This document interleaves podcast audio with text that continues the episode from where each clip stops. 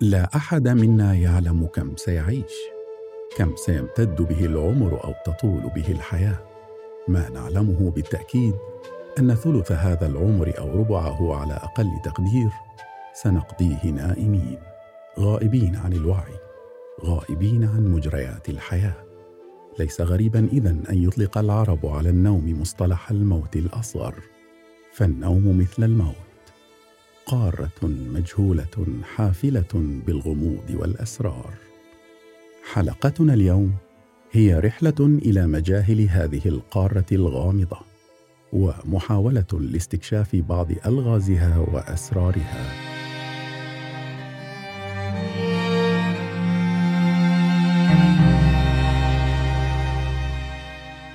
مرحبا بكم جميعا إلى حلقة جديدة من 37 مئوية.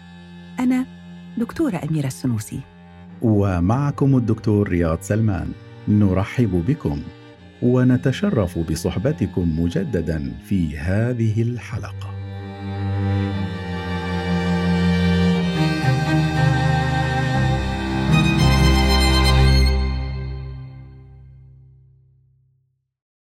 في حصة النحو كان مدرس اللغة العربية في المرحلة الابتدائية يشرح تعريف الفعل. قال إنه لفظ يدل على حدث أو عمل مقترن بزمن معين. وسطر على السبورة أمثلة لذلك: أكل، شرب، تنفس، نام. همس تلميذ في أقصى الصف لزميله بما هو أقرب للدهشة والاستغراب منه إلى السؤال أكل وشرب وتنفس واضحة ومفهومة لكن هل نام؟ فعل. أي فعل هذا الذي نقوم به حين ننام؟ سمعه المدرس وابتسم. كان هذا التلميذ هو أكثر من في الفصل ميلا للنوم والنعاس بمناسبة وبدون مناسبة. نعم يا بني. نام فعل. عندما تستسلم للنعاس فتأكد أن ذلك بسبب عمل ونشاط الخلايا التي لا تراها في جسمك. وهي خلايا إذا حانت نوبة عملها فستعمل جاهدة على أن تغلبك فيغلبك النعاس. ستكبر وستعرف أكثر عن هذه الخلايا يا بني. بعد أربعين عاما وبعيدا عن براءة سؤال ذلك التلميذ وبعيدا عن الغاية التي كانت في نفس المدرس في تذكيرنا بدورة حياة كثير منا. من أكل وشرب وتنفس ونوم ليس إلا فلا تزال تلك الحادثة عالقة بذهني لا يزال الحديث عن النوم لغزا مدهشا وحريا بالبحث والاستكشاف سواء بشكل شخصي أم بشكل مهني في سنوات لاحقة؟ بالنسبة إلينا كأطباء نعرف الكثير عن عمليات الأكل والهضم والتنفس وكتب الأمراض الباطنية تشرح وتشرح بإسهاب وتفصيل كبير عمل الجهازين الهضمي والتنفسي ووظائف أعضائهما المختلفة. أما عندما نأتي إلى عملية النوم التي تستغرق نحو ثلث حياتنا فلا يزال ما نعرفه عنها شحيحا بشكل كبير. لقرون عدة كان الطب الغربي قد توقف عند توصل جالينوس إلى أن الدماغ لا القلب هو مركز التحكم في النوم مبدأ ونهاية. وكان علينا أن ننتظر مزيدا من التقدم في علم وظائف الأعضاء أو الفسيولوجيا وبالذات فيما يتعلق بفهم الجهاز العصبي وتفاعل الخلايا العصبية. لكي تتسارع وتيرة فهمنا لفسيولوجيا وطب النوم في النصف الثاني من القرن العشرين وبشكل أخص في العقدين الأخيرين من القرن المنصرم.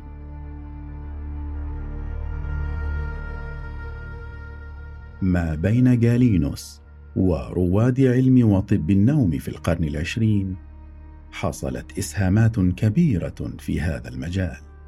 أفضل من يستعرضها هو ضيفنا الجليل نحاور في هذه الحلقة من 37 مئوية الأستاذ الدكتور أحمد باهمام أستاذ طب النوم وأحد أبرز أعلام هذا المجال في المنطقة والعالم توجهنا إليه بهذه التساؤلات لماذا نحلم في الأساس؟ لماذا لا نستطيع تذكر الأعم الأغلب من أحلامنا؟ أحيي متابعي 37 مئوية. فالأحلام من الناحية الطبية هي آه، ما يعرف طبيا بحركة العين السريعة وهي مرحلة خاصة من مراحل النوم حيث تتحرك العينان حركة أفقية سريعة ومنتظمة وتلاحظ بكثرة لدى حديث الولادة وأظهر بحث حديث نشر في مجلة ساينس المرموقة أن حركة العين خلال الأحلام ليست عشوائية كما كنا نعتقد وإنما منسقة مع ما يحدث في عالم الأحلام الافتراضي كأنها تتابع شيء يراه الحالم. وهذه الأحلام التي من المرجح أن نتذكرها. ولكننا أيضا نحلم في مراحل النوم الأخرى من غير نوم حركة العين السريعة ولكننا عادة لا نتذكرها بشكل واضح ولا نستطيع سردها في اليوم التالي. ماذا عن الذين لا يتذكرون أحلامهم؟ قد يكون هناك عدة عدة أسباب لعدم تذكر البعض أحلامهم. فالأشخاص الذين لا يشغلون بالهم بموضوع الأحلام ربما لا يتذكرونها. كما أن الشخص الذي ينام ساعات قليلة ربما لا يمر بالمرحلة الأخيرة من النوم التي تحدث فيها أو يزداد فيها مرحلة الأحلام. كمان الإنسان الذي يستيقظ خلال الحلم عدة مرات ويستمر مستيقظا لعدة دقائق في العادة يتذكر الحلم. أما الذي لا يستيقظ خلال الأحلام فإنه في العادة لا يتذكر حلمه. كما بينت الأبحاث الحديثة أن العامل الوراثي الجيني قد يكون مهم في تذكر الأحلام. وظهرت حديثا نتائج دراسة مهمة ساعدتنا في فهم آلية تذكر الأحلام بشكل أكبر حيث قام باحثون باستعراض التغيرات التي تحدث في الدماغ عندما لديهم قدرة عالية على تذكر الأحلام وقارنهم بمن لا يتذكرون أحلامهم. واستخدم الباحثون لقياس نشاط الدماغ الوظيفي التصوير المقطعي بالإصدار البوزيتروني ما يسمى بالبيت سكان. وظهرت النتائج أن نشاط المخ الذاتي كان أقوى عندما لديهم قدرة عالية على تذكر الأحلام في قشرة الفص الجبهي الأنسي وملتقى الفصين الصدري والجداري وهي منطقة من الدماغ تشارك في توجيه الانتباه نحو المثيرات الخارجية هل يحدث أن الحيوانات مثل القطط والكلاب والطيور تحلم في نومها مثلنا؟ آه، الثدييات والحيوانات نعم تحلم خلال النوم ظهر علميا دراسة وثقت علاقة بين درجة حرارة الجسم ونوم الأحلام وهي فترة من النوم اللي يكون فيها النشاط طبعا نشيط جدا فترة الأحلام يزيد نشاط الدماغ ويزيد استهلاك الجلوكوز والدم. وأشارت الدراسة إلى أن الحيوانات ذات درجات حرارة الجسم المرتفعة لديها كميات أقل من نوم الأحلام. فمثلا الطيور لأن لديها درجة حرارة آه، درجة حرارة جسم أعلى مقارنة بالحيوانات الأخرى من ذوات الدم الحار حتى درجة حرارة الطيور عادة 41 درجة آه، تحصل الطيور على نوم أحلام أقل بحوالي 7 بالعشرة من الساعة في اليوم. بينما البشر والثدييات المشيمية الأخرى التي لديها درجة حرارة حوالي 37 فإنها تقضي حوالي ساعتين في مرحلة الأحلام. ثم بعد ذلك الجرابيات التي درجة حرارتها 35 درجة مئوية تقضي حوالي أربع ساعات ونصف في حركة الأحلام. ودراسة حديثة بينت أن العناكب القافزة لديها تغيرات تشبه تغيرات آه، نوم الأحلام عند الإنسان لذلك يعتقد الباحثون أنه حتى الحشرات الصغيرة قد تدخل مرحلة الأحلام ماذا عن المكفوفين ممن حرموا نعمة البصر منذ الصغر؟ أتراهم يحلمون بالصوت أم بالصوت والصورة مثل المبصرين؟ بالنسبة لفاقدي البصر من إخوة المكفوفين فإنه على الرغم من انخفاض محتوى أحلامهم المرئية إلا أن الحواس الأخرى تتعزز في أحلام المكفوفين مما يجعل الكفيف الحالم يزيد من الإحساس بالصوت واللمس والذوق أكثر من الأشخاص المبصرين.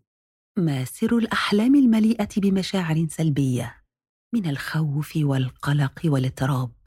الأبحاث الحديثة بينت أن الأحلام قد تكون مهمة للتخلص من المشاعر السيئة فالأحلام تساعد الإنسان على معالجة الذكريات والمشاعر التي يجتازها في حالة اليقظة أثناء النهار وفرزها بعد ذلك والتخلص من من الذاكرة السيئة. ففي دراسة حديثة أيضا في مجلة ساينس المرموقة وضحت أن الدماغ يقوم بفرز العواطف أثناء مرحلة النوم الأحلام لتعزيز تخزين المشاعر الإيجابية بينما يخفف من المشاعر السلبية التي حدثت خلال اليقظة.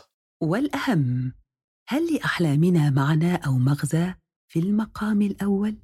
من ناحية علمية تطبيقية أظهرت الابحاث أن محتوى الأحلام يتأثر بعدة عوامل منها عمر الإنسان، جنسه، البيئة التي يعيش فيها، فكبار السن مثلا قد يحلمون بأحداث مضى عليها أكثر من 50 سنة، كمان الأطفال الصغار يدور محتوى أحلامهم في العادة في الكثير من المحتوى على الحيوانات، أما السيدات فتكثر في أحلامهن صبغة الحوار اللفظي أو الكلامي، في حين أن الرجال يغلب على احلامهم صوره بصورة أكبر القلق والعنف الجسدي، وهذا طبعا لا يمكن التعميم على الجميع ولكن هذا بصفة عامة في الدراسات.